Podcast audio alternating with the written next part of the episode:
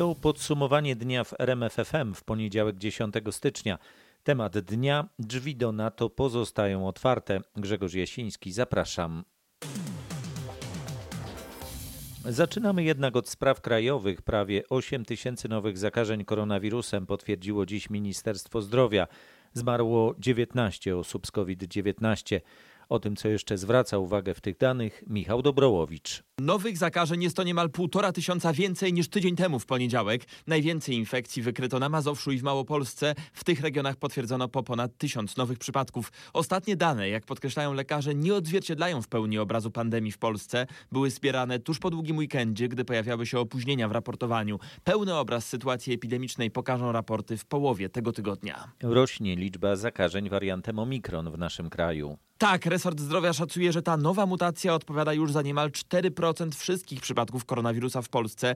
Ministerstwo Zdrowia potwierdziło też dzisiaj, że w naszym kraju niestety zmarły pierwsze osoby zakażone mutacją Omikron. Właśnie ten wariant to powód powiększania bazy łóżek covidowych w szpitalach. Ta baza ma niedługo powiększyć się do 40 tysięcy miejsc. Teraz w szpitalach jest ponad 18 tysięcy osób zakażonych COVID-19. Czwarta fala COVID-19 w Polsce przejdzie płynnie w piątą, która zacznie się szybciej, bo już w drugiej połowie stycznia. Tak przewiduje profesor Till Krüger, uczony kieruje wrocławską grupą MOKOS, zajmującą się symulacją rozwoju epidemii i analizą danych. Kiedy może pojawić się kolejny etap, w którym będzie dominował omikron? Na początku lutego, wtedy według szacunków, jakie podaje profesor Krüger, możemy odnotowywać w kraju około 100 tysięcy zakażeń na dobę, a dziennie do szpitali może trafiać od 5 do nawet 10 tysięcy osób zakażonych COVID-19. To będzie poważny problem tutaj w Polsce. Mamy jeszcze wysoki poziom pacjentów w szpitalu, które ciężko chorują i na to będzie się jeszcze składać te nowe przypadki przez omikronem. Zdaniem profesora Tyla Krugera, który jest Niemcem mieszkającym i pracującym we Wrocławiu, piąta fala w naszym kraju potrwa dwa miesiące. Podsumowuje Paweł Pyclik. Do soboty wojewodowie mają przygotować plany, jak zwiększać liczbę łóżek dla chorych z COVID-19 przed spodziewaną piątą falą pandemii. Tak zapowiedział rzecznik Ministerstwa Zdrowia. To ma być w sumie 40 tysięcy łóżek, a w czarnym scenariuszu nawet 60 tysięcy. Ten wariant minister Adam Niedzielski nazwał katastroficznym, gdzie mogą być przygotowywane nowe łóżka covidowe, Najpierw w szpitalach tymczasowych, tam gdzie są jeszcze rezerwy. Potem przekształcane będą kolejne oddziały w zwykłych szpitalach, ale tu jak zaznacza rzecznik Ministerstwa Zdrowia, decyzje będą podejmowane w miarę jak będzie rosła liczba zakażonych, a nie od razu wszystkie 40 tysięcy miejsc. Nie będzie więc sytuacji, w której w danym województwie będzie czekało 6 tysięcy łóżek, a tylko 2 tysiące łóżek będzie zajętych. Bo każde nowe łóżko covidowe to i tak brak miejsca dla innego chorego bez zakażenia. Tym bardziej wizja 60 tysięcy łóżek dla chorych z koronawirusem, gdy mamy 120 tysięcy tysięcy łóżek w systemie, to wizja, że Polska Służba Zdrowia w połowie zajmuje się właściwie tylko chorymi z COVID-em. 50% łóżek z systemu szpitalnego będziemy musieli w najgorszej sytuacji przeznaczyć na łóżka covidowe. Dla porównania teraz zajętych jest nieco ponad 18 tysięcy łóżek. Warszawa, Mariusz Piekarski. Nauka stacjonarna będzie kontynuowana tak długo, jak będzie to możliwe. Tak zapowiedział dziś na naszej antenie minister edukacji i nauki Przemysław Czarnek. Sytuacja związana z omikronem zmienia się również w innych krajach z dnia na dzień, można powiedzieć, z tygodnia na tydzień. Co będzie za trzy tygodnie, to ja nie jestem w stanie dzisiaj powiedzieć. Dziś wracamy do nauki stacjonarnej, nie zmieniamy e, terminów ferii, nie zmieniamy decyzji co do studniowego. Po raz ostatni w szkolnych budynkach lekcje odbywały się ponad trzy tygodnie temu, 17 grudnia. Dziś do szkół wrócili uczniowie w całej Polsce. Sprawdzaliśmy w jakich nastrojach. W dobrym nastroju, zawsze trzeba być w dobrym nastroju. Bardzo złym, bo dopiero wróciliśmy wczoraj z wyjazdu w góry. Bardzo fajnie, w sensie nie mogę się doczekać lekcji i fajnie, że się spotkałam z koleżankami. Czego najbardziej brakowało? E, mi się wydaje, że takich kontaktów z rówieśnikami. Wolelibyście Państwo, żeby to była nauka zdalna dalej? No trochę i trochę nie. Najcięższe jest w tej szkole fizycznej to pakowanie do szkoły, bo tak to wszystko jest pod ręką. Nauczyciele w większości są wyszczepieni, więc myślę, że tutaj z naszej strony nie będzie niebezpieczeństwa. No a dzieci wiem z takich y, rozmów z, z uczniami, że też się szczepią że no jeszcze nie w pełni są zaszczepieni, nie, nie dwoma dawkami, no ale to się rozszerza. Te głosy wśród uczniów i nauczycieli w szkole podstawowej nr 152 w Warszawie zebrał nasz reporter Michał Dobrołowicz. Pełne zaszczepienie dziecka nie gwarantuje, że nie będzie uczyło się zdalnie. Tak informuje Ministerstwo Edukacji. Gdy choć jedno dziecko w klasie zachoruje na koronawirusa, to cała klasa przejdzie na naukę online chyba że inaczej zdecyduje dyrektor. Ministerstwo nie chce segregować dzieci na zaszczepione i niezaszczepione, dlatego nie będzie odgórnych wytycznych. To dyrektorzy w porozumieniu z inspektorem sanitarnym mają decydować, jak będzie wyglądało nauczanie. I tak, jeżeli w klasie pojawi się przypadek zakażenia koronawirusem, a dyrektor nie zdecyduje się zorganizować oddzielnego nauczania dla części klasy, jedyna różnica między dziećmi zaszczepionymi a niezaszczepionymi będzie polegała na tym, że zaszczepieni uczniowie nie trafią na obowiązkową kwarantannę, czyli będą mogli wychodzić z domu. To rozwiązanie może być jednak problemem dla rodziców, którzy nie mają jak wtedy zaopiekować się dzieckiem. Informuje nasza reporterka Monika Cwalina-Kucharczyk. Nie będzie dymisji małopolskiej kurator oświaty Barbary Nowak, zapowiedział wicemarszałek Sejmu, szef klubu PiS Ryszard Terlecki. Rzeczywiście pani kurator tu nie, niefortunnie się powiedziała, ale uważamy, że to nie jest powód do odwołania. Wcześniej na naszej antenie tak wypowiadał się w tej sprawie minister edukacji i nauki Przemysław Czarnek wyraziłem swoje stanowisko, że jej wypowiedź w tym zakresie była szkodliwa. Natomiast czy powinna stracić stanowisko, będzie decydował wraz z panem ministrem Rzymkowskim, który zajmuje się kuratorami w naszym ministerstwie, pan wojewoda Małopolski. Będzie decyzja, myślę, dziś, jutro, najdalej. W wywiadzie radiowym kurator określiła szczepienia mianem eksperymentu, ale potem jeszcze tego samego dnia przyznała, że nie ma wykształcenia medycznego, więc nie powinna wypowiadać się na ten temat. Dla mnie źródłem wiarygodnej wiedzy o koronawirusie jest przede wszystkim Rada Medyczna przy premierze, stwierdził Janusz Cieszyński. Wiceminister do spraw cyfryzacji i cyberbezpieczeństwa był pytany w popołudniowej rozmowie w RMFFM o walkę z medyczną dezinformacją.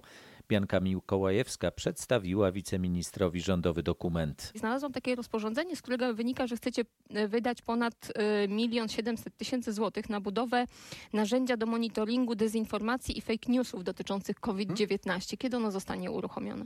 Y, to jest działalność, która tak naprawdę trwa, bo pani, rozumiem, mówi o rozporządzeniu o tak zwanych wydatkach niewygasających. Tak, to są e, wydatki, no wydatki które przechodzą no więc, z ubiegłego no roku na Wydatki niewygasające to są takie wydatki, które już zaczęliśmy w ubiegłym roku ponosić, także tak, tak, tak samo Aha, jest czyli i w tej sprawie. to była większa kwota i została już część wydana. Tak samo, tak samo jest i w tej sprawie. Myśmy pod koniec roku takie działania podjęli i będziemy to, będziemy to realizować. Chodzi o monitorowanie treści. Ja uważam, że y, nie powinno się mówić o kwestiach związanych z ochroną zdrowia, z, mm, ze zwalczaniem pandemii bez dobrych naukowych podstaw. Cała rozmowa Bianki Mikołajewskiej z wiceministrem Cieszyńskim jest na rmf24.pl. Będzie wyrównanie dla tych emerytów i rencistów, którzy w związku z błędami programu Polski Ład otrzymali w styczniu niższe świadczenia, zapewnia prezes ZUS. Jak dodaje Gertruda Uścińska, chodzi o osoby pobierające od 4920 do 12800 zł. W stosunku do tej grupy świadczeniobiorców, czyli dla tych 421 tysięcy, nastąpi w lutym wraz ze świadczeniem zwrot tej nadpłaconej zaliczki podatku dochodowego. Jak dodała prezes ZUS, największa grupa ponad 8 milionów emerytów i rencistów, których świadczenie nie przekracza 4920 zł, otrzyma wyższe wypłaty, a chodzi o kwotę od 1 do 180 zł miesięcznie. O kilka procent niższe świadczenia otrzymają osoby, których emerytury są wyższe niż 12 800 zł. Takich osób jest w Polsce około 450.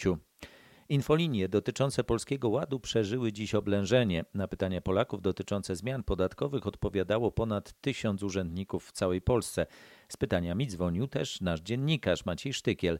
Wszystko jasne? Niestety nie, nie udało mi się dodzwonić na dwie infolinie. Ta Ministerstwa Rozwoju i Technologii w ogóle nie działała, a ta Krajowej Informacji Skarbowej wymagała wiele cierpliwości. Jesteś 151 w kolejce a gdybym był księgowym, to byłby to spory problem, bo przecież dziś dziesiąty, więc wielu pracowników powinno otrzymać pensję. Pytanie, jak ją wyliczyć, na jakich zasadach? Przecież w sobotę znów zmieniły się przepisy, tym razem rozporządzeniem ministra finansów. A pytania o Polski Ład można też zadawać na internetowym czacie na żywo Krajowej Administracji Skarbowej codziennie od 8 do 20. Tu na odpowiedź od urzędników też trzeba poczekać co najmniej godzinę. Dziesiątego dnia miesiąca wynagrodzenia powinny trafić m.in. na konta lekarzy i pielęgniarek, policzone zgodnie z rozporządzeniem ministra finansów opublikowanym trzy dni temu.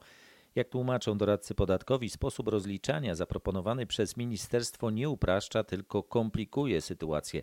Teraz pracodawcy, organy rentowe i ZUS muszą dwa razy sporządzić listę płac według zasad obowiązujących do 31 grudnia i obowiązujących obecnie i wybrać sposób wyliczenia zaliczki na podatek dochodowy korzystniejszy dla pracownika. W tym momencie pracodawcy, służby księgowe, służby kadrowe mają już kompletny mętlik w głowie. Nie do końca e, może się okazać, że te przeliczenia, które będą robione w tym momencie, dziś w sposób e, szybki, będą prawidłowe, więc może się okazać, że potem znowu będzie potrzebna jakaś korekta, znowu będą potrzebne kolejne wyjaśnienia. No i niestety działanie pod presją medialną, przygotowywanie aktów prawnych e, w sposób zbyt szybki i, i, i bez jakiejś refleksji, no tylko pogłębia chaos prawny. Do zmian nie zdążyli się przygotować m.in. producenci oprogramowania do prowadzenia księgowości.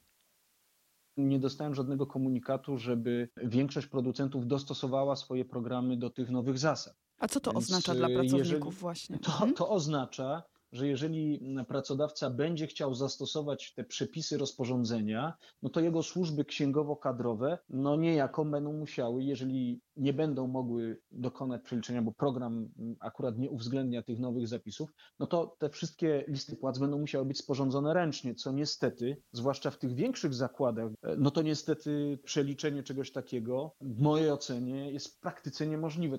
Mówi w rozmowie z naszą reporterką Magdaleną Greinert Radomir Szaraniec z Krajowej Izby Doradców Podatkowych.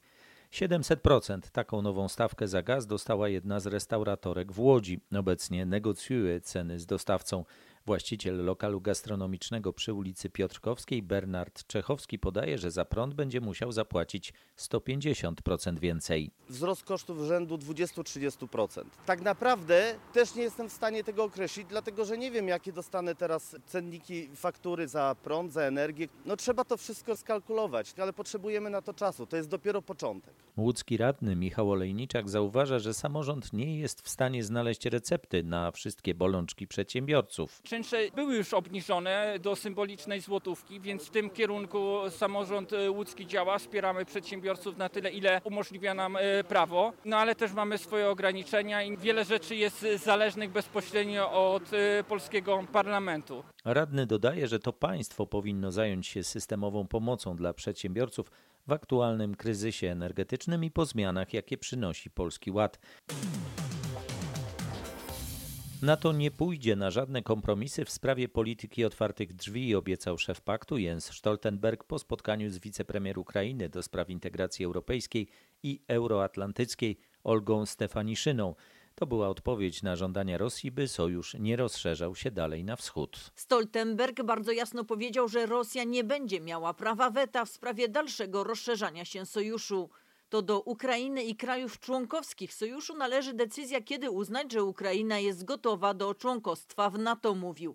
Nie dał jednak żadnej gwarancji bezpieczeństwa Ukrainie. Po prostu Ukraina na razie nie jest członkiem sojuszu, nie może liczyć na taki sam parasol ochronny jak na przykład Polska. Szef NATO zapewniał natomiast, że NATO pomaga Ukrainie w drodze do członkostwa, na przykład poprzez wsparcie modernizacji jej armii, szkolenia czy wsparcie dwustronne. Powtórzył, że Rosjan czekają poważne konsekwencje w razie agresji przeciwko Ukrainie. Informuje z Brukseli nasza korespondentka Katarzyna Szymańska-Borginą.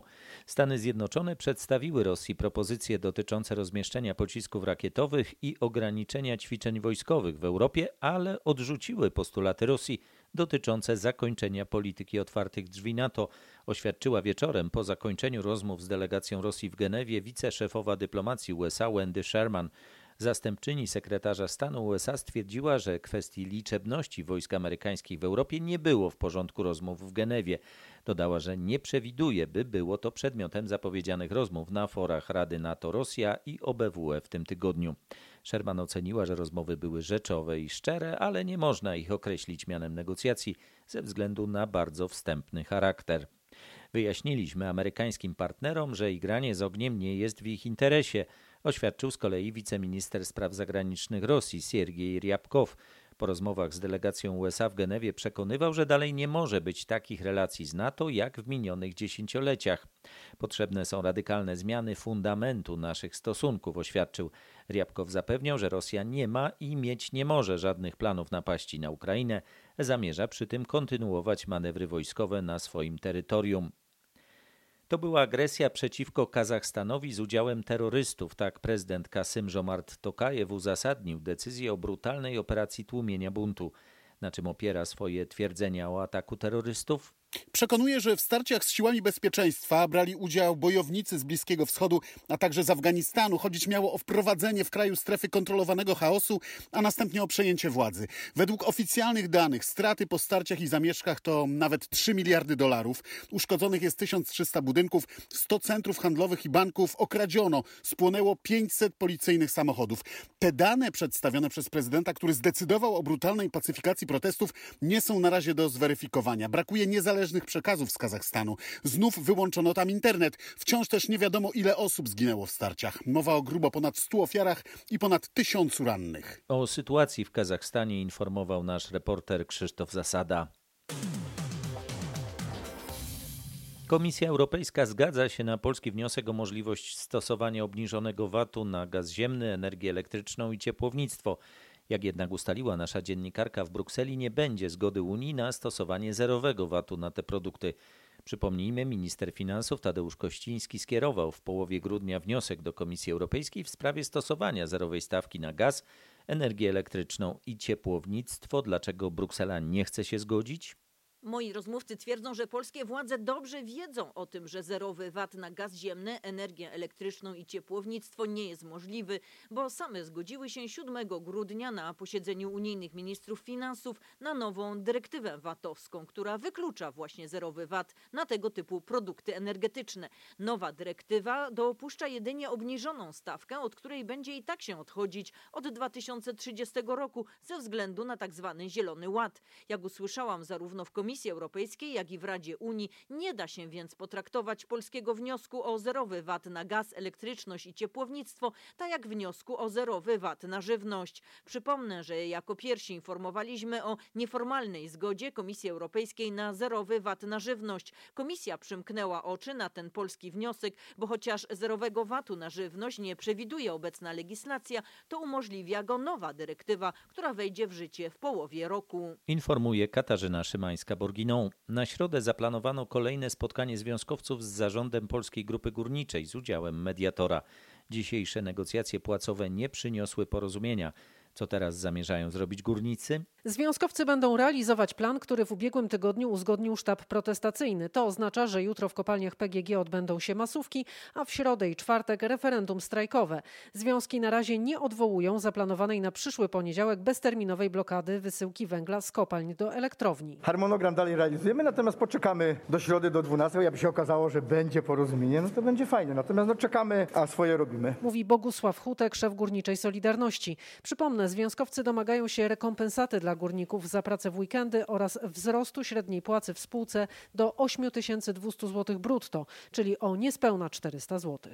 Informuje Anna Kropaczek. Obowiązujące od dziś wyższe stawki za przejazd autostradą A2 na odcinku między Koninem a Świeckiem są bezzasadne, przekonuje w swoim komunikacie Generalna Dyrekcja Dróg Krajowych i Autostrad. Zdaniem dyrekcji decyzja zarządu Autostrady Wielkopolskiej o podwyżkach godzi bezpośrednio w kierowców i przewoźników. Generalna Dyrekcja ostrzega w swoim komunikacie, że coraz wyższe stawki za przejazd wielkopolskim i lubuskim odcinkiem A2 mogą skutkować większym ruchem na drogach krajowych i wojewódzkich, co jak czytamy w komunikacie stoi w sprzeczności z rolą autostrad w systemie komunikacyjnym. GDDKiA zaznacza też, że nie ma realnego wpływu na stawki ustalane przez prywatnego operatora trasy, ale przekonuje, że zwróciła się z prośbą o rozważenie zmiany w obowiązujących od dziś stawkach. Te to 25 zł za przejazd między Koninem a Świeckiem dla kierowców osobówek i motocykli to stawka o 2 zł wyższa. W przypadku pozostałych kategorii pojazdów stawki wzrosły o 3, 5 i 7 zł.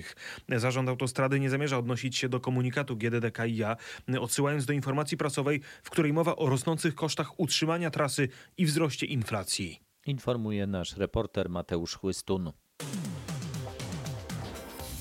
Prokuratura Krajowa poprowadzi śledztwo w sprawie oszustów, którzy w Warszawie przejmowali mieszkania starszych osób, po czym truli swoje ofiary. Na polecenie prokuratury okręgowej Warszawa-Praga zatrzymano czterech mężczyzn, którzy mają odpowiadać za zabójstwo sześciu osób i jedno usiłowanie zabójstwa. Dlaczego śledztwo zostaje przejęte przez prokuraturę krajową? Ze względu na bardzo dużą wagę sprawy. Zarzuty stawiane zatrzymanym są wyjątkowo poważne, a postępowanie rozwojowe. Z moich ustaleń wynika, że śledczy analizują teraz przypadki niewyjaśnionych śmierci starszych osób, właścicieli mieszkań w Warszawie, którzy znajdowali się w trudnej sytuacji życiowej. Jak się dowiedziałem, nie chodzi jedynie o przejmowanie lokali w stolicy, ale także działek i gotówki należącej do ofiar. Prokuratura twierdzi, że podejrzani przez dłuższy czas nawiązywali przyjacielskie stosunki z poszkodowanymi, wyłudzali od nich oświadczenia, że mogą ich reprezentować w sprawach majątkowych. Potem takim osobom podejrzani mieli podawać zatruty alkohol, powodując ich zgon. Informuje Krzysztof Zasada. Pięć osób zatrzymała dziś żandarmeria wojskowa w sprawie wystawiania fałszywych certyfikatów covidowych. Śledztwo w tej sprawie poprowadzi prokuratura okręgowa w Poznaniu. Dlaczego podejrzewanych zatrzymywała żandarmeria? Dwaj z nich to żołnierze. Kapral i starszy sierżant służyli w jednostkach we Wrocławiu i w Brzegu. Trzy pozostałe osoby to cywile, którzy również mieli brać udział w procederze wystawiania fałszywych dokumentów potwierdzających szczepienie przeciwko COVID-19. Wszystkie te osoby zatrzymano w innych miejscach. Na Dolnym Śląsku, w Małopolsce, na Opolszczyźnie oraz w Łódzkiem. Wszyscy zostali przewiezieni do prokuratury okręgowej w Poznaniu. Śledczy nie wykluczają postawienia im zarzutów dotyczących łapownictwa osoby pełniącej funkcję publiczną, za co grozi od 2 do 12 lat więzienia. Relacjonował nasz reporter Mateusz Chłystun. Po śmiertelnym wypadku trzech polskich turystów pod Gerlachem, najwyższym szczytem Tatr, Słowacy zapowiadają, że będą ścigać nielegalnych przewodników z Polski. Jak podkreślają, na szczyt poprowadził turystów przewodnik, który nie może zabierać ludzi w tak trudny teren. Wolno im poruszać się wyłącznie po szlakach turystycznych mówi naczelnik Chorskiej Zachrannej Służby Marek Biskupic. On nie miał żadnych uprawnień. On nie miał żadnych uprawnień do prowadzenia turystów w tak trudnym terenie i nie miał też prawa tych ludzi tam zabierać. Stwarzał zagrożenie dla własnego życia i swoich towarzyszy. Jest to bardzo smutne i chcielibyśmy apelować do klientów i do samych przewodników UIMLA z Polski, by nie zajmowali się wysokogórskim przewodnictwem na terenie Słowacji, do którego nie mają uprawnień. To jest bardzo duży problem i jest to tylko wierzchołek góry lodowej. Takich przewodników z Polski jest bardzo wielu. Niestety to skończyło się tragicznie i jest nam z tego powodu bardzo smutno. Musimy też zapobiegać takim przypadkom, dlatego będziemy ścigać takich przewodników. Cytował nasz reporter Maciej Pałachicki. Tak pracowitego weekendu zimowego nie pamiętają ratownicy TOPR z wieloletnim doświadczeniem. Wypadków i interwencji w Tatrach było tyle, ile bywa w długie weekendy w lecie, gdy na szlaki wychodzą dziesiątki tysięcy turystów. Przez te trzy dni mieliśmy 20 wypraw ratunkowych i ratowaliśmy 27 osób. Dużo wypraw było z użyciem śmigłowca. Większość tych e, zdarzeń następowała po prostu w wyniku poślizgnięć. Powiedział nam ratownik dyżurny TOPR Rafał Mikler. Ósmy etap rajdu Dakar znów należał do załóg Cobant Energylandia Rally Teamu. W klasyfikacji lekkich samochodów SSV zajęły one dwa pierwsze miejsca. Tym razem szybszy był starszy z braci Goczałów, czyli Marek, pilotowany przez Łukasza Łaskawca. Dla załogi oznaczonej numerem 410 do połowy dzisiejszy etap układał się znakomicie, także ze względu na specyfikę trasy. Wszystko zmieniło się jednak po tankowaniu. Całą drugą część od tankowania jechaliśmy bez interkomu, bez łączności w ogóle. Łukasz musiał się szybko nauczyć e, ruchów migowych. No i jechaliśmy tak bardzo na czuja i mega ostrożnie, żeby dojechać do mety. Mówił Marek Goczał. Mimo problemów udało się dowieść prowadzenie do mety. Po ósmym etapie Marek Goczał jest piąty w generalce, trzecia jest druga załoga Energylandia Rally Teamu Michał Goczał i Szymon Gospodarczyk, która dziś wykręciła drugi czas między innymi dzięki skutecznej jeździe na wydmach. Wiele samochodów się tam zakopały, to były takie wydmy z suchym, bardzo lekkim piaskiem. My też jedziemy z tyłu, 80 załoga, no to jednak trochę e, nam to przeszkadzało. Mówił gospodarczyk. Szósty był Aaron Domżała. Do czołówki w klasyfikacji samochodów wraca Jakub Przygoński. Kierowca Orlen Teamu pilotowany przez Timo Gotrzalka zajął dziś ósme miejsce. Dobre tempo, maksymalne tempo, na co było stać nasz samochód tak naprawdę. Wróciliśmy do dobrej grupy, więc jesteśmy zadowoleni razem z Timo. Mówił Przygoński, który w generalce jest na czwartym miejscu. Prowadzi Nasser Alatia. Wśród motocyklistów na ósmym etapie Maciej Giemza był 19, zaś Konrad Dąbrowski 39. Kładowiec Kamil Wiśniewski dziś czwarty w klasyfikacji generalnej wskoczył na trzecie miejsce. Pojutrze poznamy nowego selekcjonera siatkarskiej reprezentacji Polski. Jego nazwisko zostanie ogłoszone tuż przed meczem grupy Azoty Zaksy Kędzierzyn-Koźle w Lidze Mistrzów.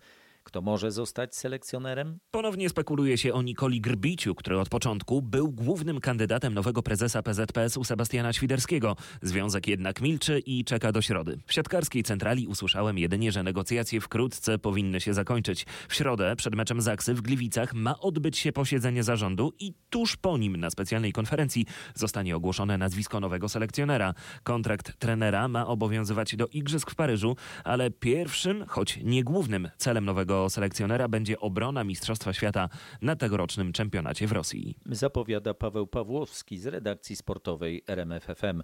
W weekend na Wielkiej Krokwi w Zakopanem odbędą się dwa konkursy Pucharu Świata. Pojawią się najlepsi skoczkowie świata. W ubiegłych latach fani skoków tłumnie przyjeżdżali, by dopingować naszych zawodników.